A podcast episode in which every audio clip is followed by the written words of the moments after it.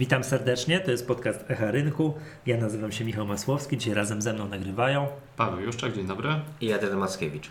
Panowie, jak skomentujecie bieżący, nazywany w mediach medialny krach? Medialny chyba dlatego, gdyż wszystkie media napisały, że zagłada na GPW i krach i w ogóle i tak dalej. Dawno nie było takich tytułów, więc dziennikarze się rozpędzili. Okazja do zakupów, czy początek jakiejś dłuższej, no dłuższej fali spadkowej? Z całą pewnością to trudno powiedzieć. Na pewno jeszcze za wcześnie, żeby mówić e, w ogóle. To zależy. Za Pójść jak zawodowy analityk powiedział Piotr Kuczyński, pozdrawiam Piotra Kuczyńskiego. Nie, to zależy, będzie rosło albo będzie spadało. No. Tak, no ale z całą pewnością nie można jeszcze mówić o krachu, jak to media niektóre określają. Póki co to, to się wydaje pokaźną korektą, bo bo te spadki w, czy dzisiaj, czy właściwie czy wczoraj, czy w poniedziałek to sięgały 3-4% w Stanach Zjednoczonych, co, co w, co ostatnich, nie zdarzyło. w ostatnich znanych nam czasach raczej się nie zdarzało. Aczkolwiek biorąc pod uwagę to, ile ten indeks w Stanach e, urósł w ostatnich miesiącach, czy nawet w dłuższym terminie, no to taka korekta nie powinna wcale dziwić i być może nawet dla inwestorów lepiej, że to się dzieje szybko e, i gwałtownie, bo, bo jest szansa, że wtedy też szybciej powrócimy do wzrostów. No, myślę, że też w tej przecenie ciekawe jest to, że trudno znaleźć jakiś taki jednoznaczny argument, skąd by się to miało, skąd ta przecena w ogóle się wzięła, e, bo no, są różne teorie, a nic tak naprawdę się nie wydarzyło, nie było żadnej informacji, jak to zwykle właściwie bywa i jest taka duża przecena, tylko nagle, tak, no, nagle zaczę, zaczęła się duża Żadnego sprzedaż. konfliktu zbrojnego, żadnej wojny nie ma, dane makroekonomiczne właściwie bardzo dobre. Trump nic nie Żaden... Reforma tych podatków, no to z jednej strony trochę może nie wiadomo, ale z drugiej Żaden strony bank nie upadł. Podat podatków ma być w Stanach mm, też. Tak, w Stanach. Mhm. Jedyne, jedyne gdzieś tam winowajcy się szuka w tych instrumentach, które grały na, na niską zmienność. I tutaj przede wszystkim jest tak zwany instrument XIV, gdzie w ostatnich e, dniach można rzeczywiście w wielu portalach finansowych e, takie wytłumaczenie znaleźć, e, aczkolwiek no to może być tylko gdzieś częściowa przyczyna, tak jak mówimy, te indeksy rosną już od wielu miesięcy bardzo mocno, w związku z czym tej korekty tak czy inaczej można się było spodziewać. A czytaliście artykuł Wojtka Białka o kanarku? Ja niestety nie miałem ja okazji. Tak, no. Napisał coś takiego, że na razie to jest coś takiego, że faktycznie nic się nie stało. Nie ma wielkich przyczyn, ale kanarek zdechł. I ten przykład z kanarkiem to jest y, z czasów, jak w kopalniach kiedyś, tak, no teraz dzisiaj wiecie, są jakieś czujniki, czujniki metanu, braku tlenu, dzisiaj to pika, urządzenie elektroniczne, a za starych czasów, nie wiem, 100 lat temu kanarka miała miano w klatce, jako podobno bardzo wrażliwego ptaka. Mhm. No i generalnie było tak, że jak górnicy się dobrze czuli, ale kanarek zdech, że, że, to, znaczy, znaczy, że tlenu było trochę za mało, kanarek jako bardzo wrażliwe, mm, wrażliwe zwierzę, więc górnicy już uciekali. Mm, no i przełożeniu na rynek finansowy Wojciech Biały gdzieś tam pisał, że, yy, że takim kanarkiem na rynku finansowym są pieniądze, że pieniędzy trochę zabrakło, tak? że już było wszystko tak wysoko, już no nie miał już kto kupować. Tak? Już było, że taki przykład, że w funduszach inwestycyjnych jest rekordowo mało gotówki, a rekordowo dużo akcji. No to co powoduje, skoro jest rekordowo mało gotówki, no to trochę już tego paliwa do ewentualnych dalszych wzrostów może być może, by, może poli brakować. No i też podała jako przykład, że no, no wiadomo, jak jeszcze raz powtórzę, nic dużego się nie stało, no ale kanarek nie żyje, prawda? I jako, przy, jako taki zapalnik, no krach na jakimś powiedzmy mało znaczącym rynku mógł to, to troszkę spowodować. No i jakiś to mało znaczący rynek nam ostatnio ewidentnie skrachował. No i był przykład Bitcoina, który tym z 20 tysięcy, czy tam kilku, no prawie 20 tysięcy dolarów do 6 tysięcy dolarów Przypomnijmy moją prognozę, mam to udokumentowane. Tak, że zapowiedziałem w 2018 roku 90% spadek kursu bitcoina. Mówiłem to co prawda przy 15 tysiącach, czyli jeszcze mi trochę brakuje, ale ja powiem, czyli do 1500 powiedziałem, jak łatwo liczyć spadnie. Powiem wam panowie, że ja się czuję komfortowo ze swoją prognozą. Jest luty, jest 6, między 6 a 8 tysięcy ten bitcoin chodzi, nie? Że takim zapalnikiem mógł być bitcoin, nie? Mhm, no od szczytu, który miał miejsce pod chyba pod koniec 2017 czy na początku 2018, gdzie tam Bitcoin sięgał prawie 20 tysięcy, 19 500 powiedzmy, no do tego dołka z ostatnich dni, czyli 6 tysięcy, no to to już jest spadek o 70%, czyli... No już ja, ja jestem blisko, ale ja mówię, jestem odważniejszy, bo powiedziałem, że przy 15 tysiącach, że spadnie 90%, czyli do 1500, tak? Bardzo podoba mi się, słuchałem jakieś e, CNBC, tego amerykańskiego, gdzie jakiś ekspert argumentował, że wewnętrzna wartość bitcoina, to ja po prostu spadłem z krzesła, jak usłyszałem sformułowanie wewnętrzna wartość bitcoina, jest około 8 tysięcy dolarów. I on argumentował, jak to zostało wyliczone, te 8 tysięcy dolarów gdzieś już było jako wartość prądu, którą się zużywa na to, żeby to wszystko produkować, utrzymywać, kopać. No po prostu tłumaczenie tak karkołomne, że głowa mała. wartością fundamentalną, no tak. jeśli porównujemy ile kosztuje kopanie bitcoina. Natomiast jeśli chodzi o amerykańskich ekspertów, to ja z kolei widziałem wywiad, no nie powiem na jakiej stacji, bo, bo tak naprawdę nie wiem. Tu gdzieś w internecie. Tak, gdzieś tam w internecie, na Twitterze ktoś, ktoś puścił, to tam z kolei ekspert mówił, że trudno znaleźć fundamentalne powody do tego, aby bitcoin miał jakąkolwiek fundamentalną wartość. Tak, to jest. To, Także to było takie to ja też, ciekawe stwierdzenie. Ja też jestem za tym, co ten ekspert powiedział. Przynajmniej na, na, na moment obecny, tak wydaje się, hmm. że Bitcoin jest po prostu instrumentem czysto spekulacyjnym i. Tak, on drożał, bo chcieli go ludzie kupować, a spadł, bo chcieli go sprzedawać, a nie dlatego, że to jest więcej warte, mniej warte i tak dalej. Tak. Specjalnie tak. funkcjonalności chyba na razie jeszcze nie ma. No, ale, ale właśnie ja wrócę do tego, że to Wojciech Białek podał jako przykład, że taki ten zapalnik, tak, że coś, co uśmierciło tego kanarka, że to właśnie, że jest mała panika na tym bitcoin, czy mała. No. Kilkudziesięcioprocentowa panika na tym bitcoinie i to spowodowało, też, że ludzie spojrzeli na, na rynki akcji, te takie stare, stabilne, bardzo, no, bardzo ostrożnie, tak? Także ale że spadki na Bitcoinie wywołały spadki na rynkach akcji? Tak, teoria? Tak, tak, tak. Że, że... Ja myślę, że to jednak chyba nie, nie w tym rzecz. Dobra, ale... Rzeczywiście wystarczyło drobne jakieś tam wydarzenie, i tutaj gdzieś spirala się nakręca i panika. Hmm? A, po, dobra, a regularne, bo to Fed podwyższa powolutku te stopy procentowe. O właśnie, tu widzisz, to tu, tu już są to, tak? prawdziwe fundamentalne przyczyny, dlaczego ten rynek nie powinien w nieskończoność rosnąć i zaraz powinni się gdzieś tam inwestorzy zacząć budzić, bo rzeczywiście e, no, ten tani pieniądz powoli się kończy i no i myślę, że że to prędzej czy później nastąpi. No zwykły cykl koniunkturalny jest dobrze, potem jest źle i potem znowu przychodzi dobrze, tak? Tak jak tu Paweł na początku wspomniałeś, e, rzeczywiście bardzo dużo wskaźników e, takich makroekonomicznych jest gdzieś na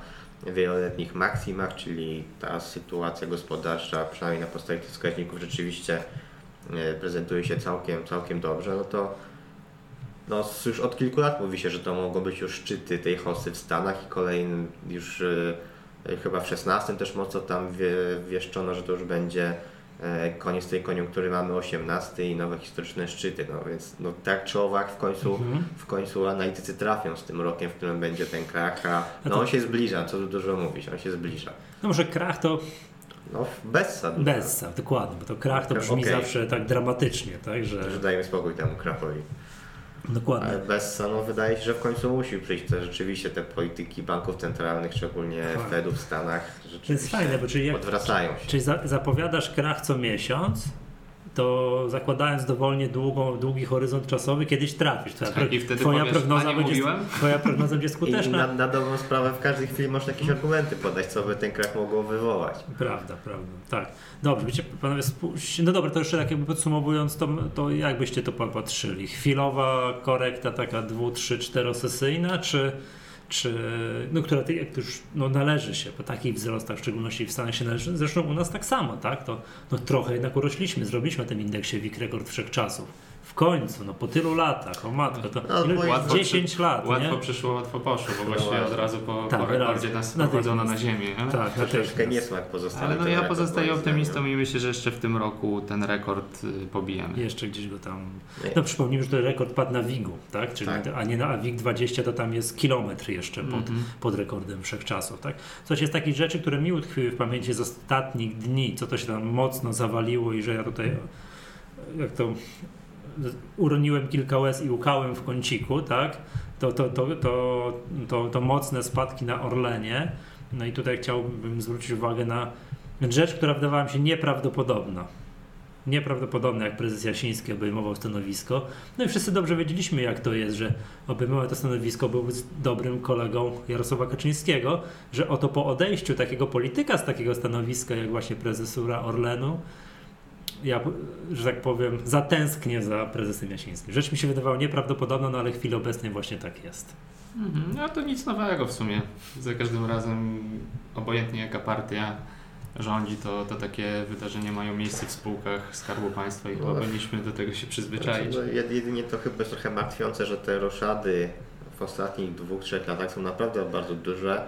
E, Ktoś wyliczył na Twitterze, widziałem dokładnie te wyliczenia, że w Enerze bodajże szósty prezes będzie w przeciągu tych dwóch lat. Tak, Mhm.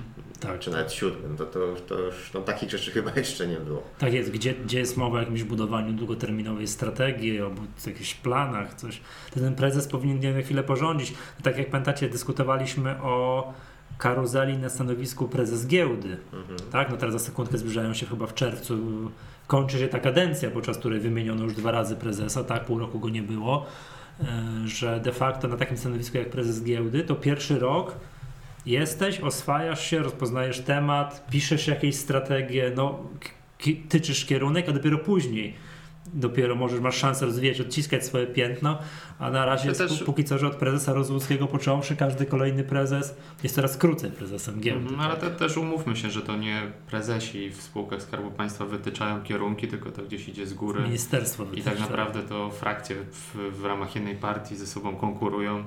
Nawet w, w ramach jednej partii ciąg znaleźć trudno jakąś jedną linię i żeby to rzeczywiście strategia była długoterminowa. Mhm. No tutaj, mm, tak jak według to Puls Biznesu bardzo ładnie to opisał, że prezes Jasiński, mówiąc tak w cudzysłowie, poleciał za to, że był za bardzo niezależny, że nie chciał realizować jakichś tak wytycznych partyjnych, nam tam na, nazwijmy. Z tego tak? co pamiętam, wspominali tam o, o konflikcie dotyczącym Un- Unii Petrolu, tak? że zbyt mało informował i Tak, I to w ogóle też jak jedna to, z wielu A ile Orlen ma wydać na ten Unipetrol? Ile to miliardów złotych? Tam No bodajże coś oni takiego. przekroczyli 90% w tym wyzwaniu Mhm. i to miało kosztować 3 miliardy, tam ponad 3 miliardy, z kolei rzeczywiście objęcie do 100% 4 miliardy i 200 No milionów. właśnie, i zarzut był taki, że jak to jest, że, że Orlen wydaje w Czechach 4 miliardy, jak to są niezwykle ważne, palące inwestycje, trzeba elektrownię atomową stawiać, sta- stawiać w Polsce. Tak, no. No okej, to inwestorzy wystawili rachunek za takie myślenie, co Też widać była na rynku, ciekawa prawda? wypowiedź e, z bodajże dzisiaj wiceministra, teraz to dokładnie jeszcze potwierdzę, mówisz o fuzji, czy czegoś innego nie, nie, szukasz? o tym, że e, to był minister Tchórzewski, powiedział, że e, Skarb Państwa ma w roli nie tylko 28% akcji i kwestia zmian w Radzie i Zarządzie wynika ze współpracy akcjonariuszy w szerokim zakresie. Czy jednak minister Także- Tchórzewski jest świadomy, że są akcjonariusze jeszcze w Tak, tu, i tu mówi, Tak? że to nie Skarb. Państwa odwołał, tylko ogólnie akcjonariusze wszyscy chcieli zmiany zarządu i Tak, tak. znaczy może nie wszyscy, ale przynajmniej większość, tak? No, taka jeszcze myślę ciekawa informacja, ciekawa wypowiedź. No właśnie, skoro już jesteśmy przy PKN-ie i Lotosie, to warto chyba wspomnieć o planowanej fuzji, do A Ja której... to jeszcze na, na chwilę Ci przerwę, Paweł, gdzieś tam szukałem też informacji dzisiaj tego podcastu i jeszcze z 4 grudnia poprzedniego roku widziałem informację, że nie ma takich planów. Nie ma. Tak, Ale 4 to grudnia mówili, że nie ma takich planów, średnio- teraz mówią, że prace są całkiem zaawansowane. Średnio mm, dwa razy na kadencję każdego Sejmu ta koncepcja się zmienia. Mhm. Więc ja bym tutaj ze No ja też to do tak tego z podchodził. W ogóle się zastanawiam, czy UOK by w ogóle pozwolił na połączenie PKN i Orlenu, bo tak chociażby patrząc przez y, e, liczbę stacji mm, benzynowych w Polsce, no to po połączeniu ten podmiot miałby ponad 50%. Bo Mhm. Orlen ma tam 34, e, Lotos e, gdzieś też powyżej 15 mm, powinien mieć. No zobaczymy, tak? No, mówię, ja Procent podchodzę z przymrużeniem oka. Już tyle razy słyszałem o planach fuzji Orlenu, że znaczy Orlenu i Lotosu, że w ogóle nie, nie ruszają takie, takie, tak, tak, takie, takie, takie doniesienia, tak? Dobra. Mm, Panowie, tak chciałem zapytać, ponieważ uruchomiliśmy nowy projekt u nas na stronie.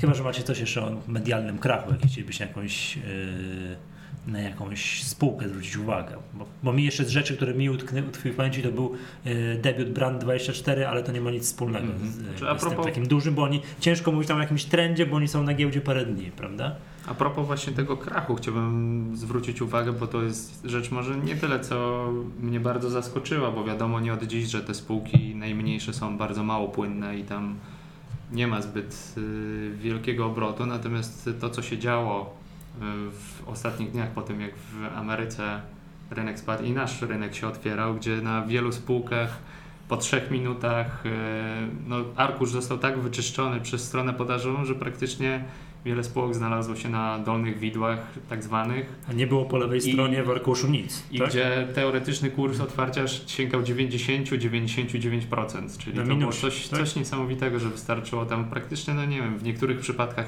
100-200 tysięcy złotych i, i ten kurs praktycznie teoretyczny spadł do jednego grosza. Jaki rynek, taki krach. Nie? Dobra, wracając do mego, tutaj zacząłem myśl jedną. Mm, uruchomiliśmy na stronie nowy projekt, tak jak czytelnicy są przyzwyczajeni do tego, że mamy coś takiego jak portfel C, który ostatnio przemianowaliśmy na portfel fundamentalny C. To taka informacja, żeby to nie, no nie mnożymy bytu, tylko mały tutaj rebranding zrobiliśmy. A to innymi po to, żeby uruchomić drugi projekt, czyli portfel techniczny C. Pan, panowie powiedzcie, co odróżnia te dwa portfele i na czym polega ten nasz na nasza nowa zabawka i czemu warto to śledzić. No myślę, że już sama nazwa e, dobitnie wskazuje, czym te portfele się różnią, czyli fundamentalnym oczywiście kierujemy się analizą fundamentalną i e, no, e, tym, jak spółki sobie performują, jakie są nasze oczekiwania wobec e, wyników. Natomiast technicznym kierujemy się wskazaniami e, narzędzi analizy technicznej, czyli opory, wsparcia i wszystkie tego innego typu magiczne narzędzia. No i siłą rzeczy można powiedzieć, że tutaj perspektywa jest y, krótsza niż w przypadku portfela fundamentalnego, bo tam jednak y, kiedy kurs y, spada i wierzymy w spółkę fundamentalnie, to, to możemy ją przez jakiś dłuższy czas podtrzymać w portfelu, licząc na to, że jednak rynek dostrzeże tę domniemaną przez nas niedoskonałość Mhm. e, w wycenie, natomiast w przypadku portfela technicznego tutaj transakcje rzeczywiście mogą się dziać e, w perspektywie raczej kilkudniowej, a czasami kilkugodzinnej. A propos, przepraszam, dostrzegania przez rynek, jak to ładnie ująłeś, niedoskonałości w wycenie, tak, to XTB trzeba przecież wspomnieć, bo to jest tak, że przypominam, że mieliśmy XTB kupione tam ze 2-3 dni przed takim też chciałbym powiedzieć, o, medialnym krachem wywołanym przez, przez artykuł w Pulsie Biznesu, że tam gdzie jednego dnia XTB Mhm. spadł cz-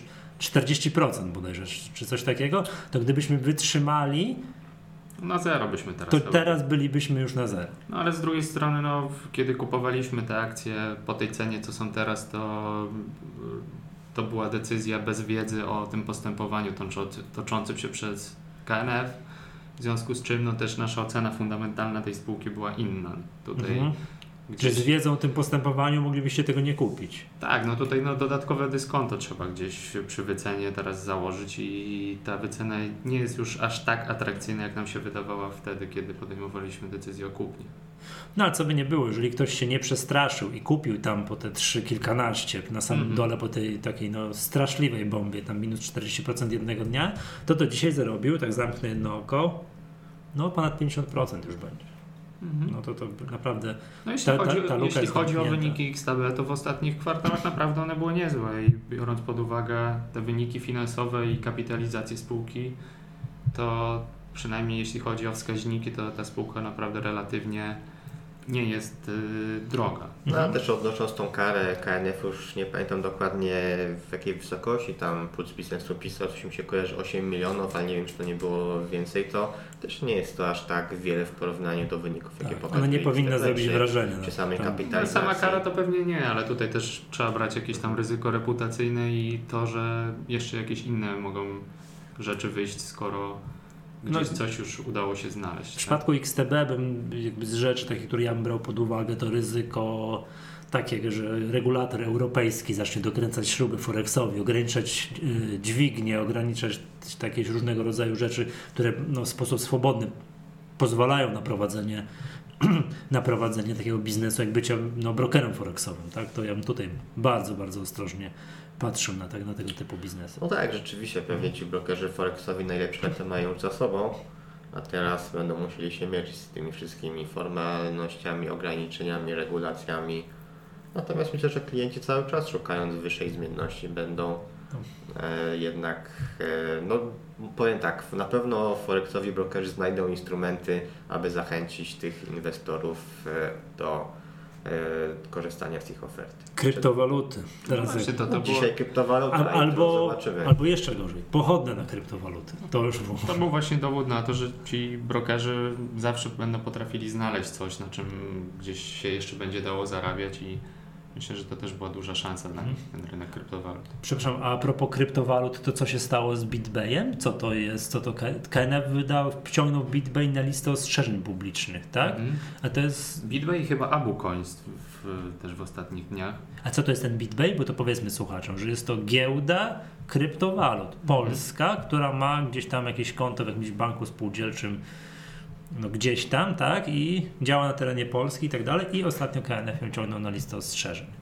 Mhm. No, to dobrze wiemy po komunikatach KNF-u, że kryptowaluty to nie jest ulubiony instrument, tak, który gdzieś tam jest w zasięgu y, KNF-u, aczkolwiek komisja, tam przedstawiciele komisji mówią, że oni mają z tym problem, że oni tego rynku nie regulują, ponieważ yy, to nie jest waluta, to nie jest tak, tylko jest towar, to tak jakbyś handlował, no nie wiem czym znaczkami.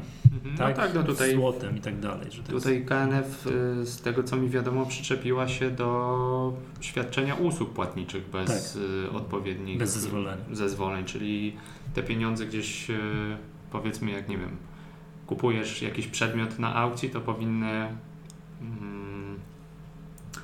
no, kupujesz i nie ma powiedzmy tak, że ta, ta giełda przechowuje twoje pieniądze na jakimś tam rachunku, bo jeśli to mhm. robi, to, to powinna mieć właśnie zezwolenie. na to zezwolenie. Tak, tak, tak, tak, tak. A tutaj w tym przypadku właśnie gdzie handluje się właśnie takim towarem, jakim są kryptowaluty, klienci mają rachunki wirtualne i i tutaj do tego się przyczepiono.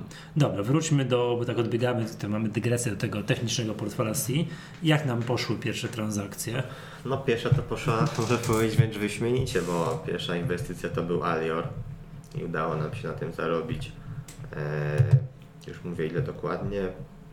To było 7,5 w 3 dni, 7,5% w 3 dni zarobiliśmy na Aliorze, więc e, zaczęliśmy bardzo, bardzo dobrze, no a potem przyszedł krach.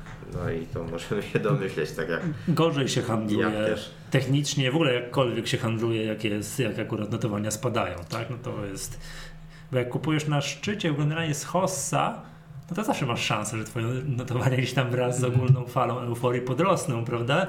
A jak jest spadek, to, to, to trzeba próbować łapać noże spadające. No, szczególnie chyba możemy zdrodzić taką kuchnię, że początkowo nie mieliśmy dostępu do, do kontraktów, gdzie moglibyśmy zawierać transakcje odwrotne, czyli grać na krótko, czyli mhm. w, na rynku, gdzie wszystko mocno spada, pozostały nam granie na pozycje długie, no to rzeczywiście ta sztuka bardzo trudna nam się nie powiodła i gdzieś teraz jesteśmy odrobinę chyba poniżej zera w całym portfelu.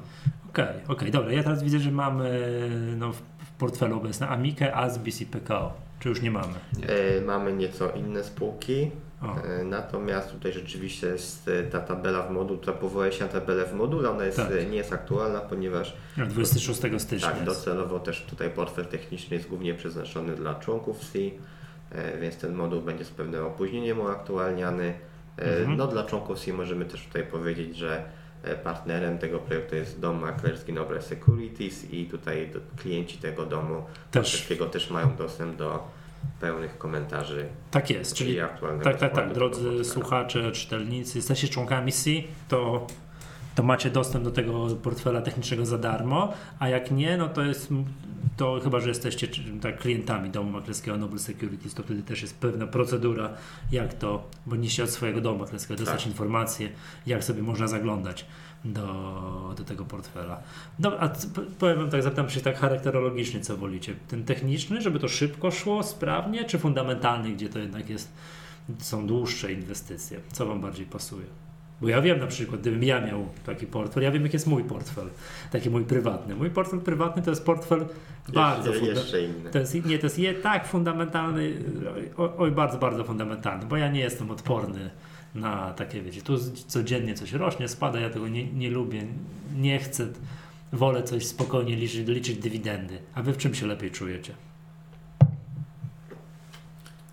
No, ja nie ukrywam, że zacząłem od analizy technicznej swoją przygodę z giełdą, natomiast każdym kolejnym rokiem, kiedy tę przygodę kontynuowałem, coraz bardziej się przekonuję do analizy fundamentalnej i na dzień dzisiejszy jestem w stanie powiedzieć, że fundamenty, natomiast e, mimo wszystko ta analiza techniczna też potrafi być przydatna, ale wolałbym, jeśli inwestuję, to najpierw chciałbym, żeby spółka miała dobre fundamenty, a ewentualnie potem, no tak myślę standardowo, klasycznie, Mhm. tak, technika, moment wejścia, ale sam, sam to samo, to czy kupić, czy nie, to fundamenty.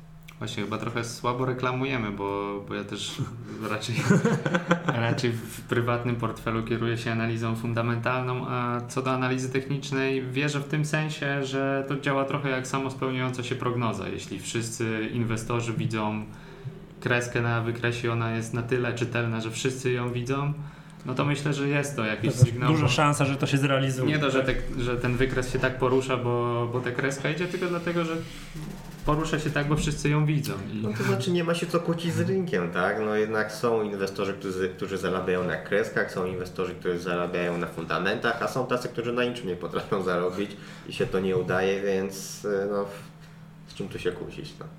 Okej.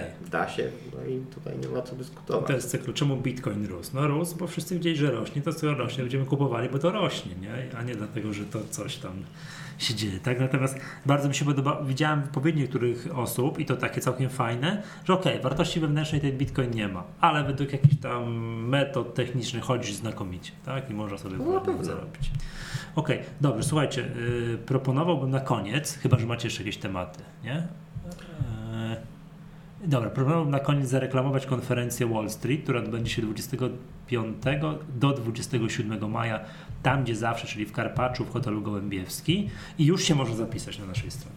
Już się można zapisać i tylko od razu informuję, tam troszkę może już mało informacji, że w najbliższych dniach będziemy tam suk- sukcesywnie uzupełniać kolejnych wykładowców, z którymi aktualnie toczą się rozmowy, więc tam zaglądajcie każdego dnia, tam adres strony jest www.sjorg.pl łamane przez WS22, no i tam no, ci, którzy nas znają, to wiedzą, tak, że tam będzie można codziennie zaglądać i codziennie coś nowego, coś nowego się będzie pokazywało.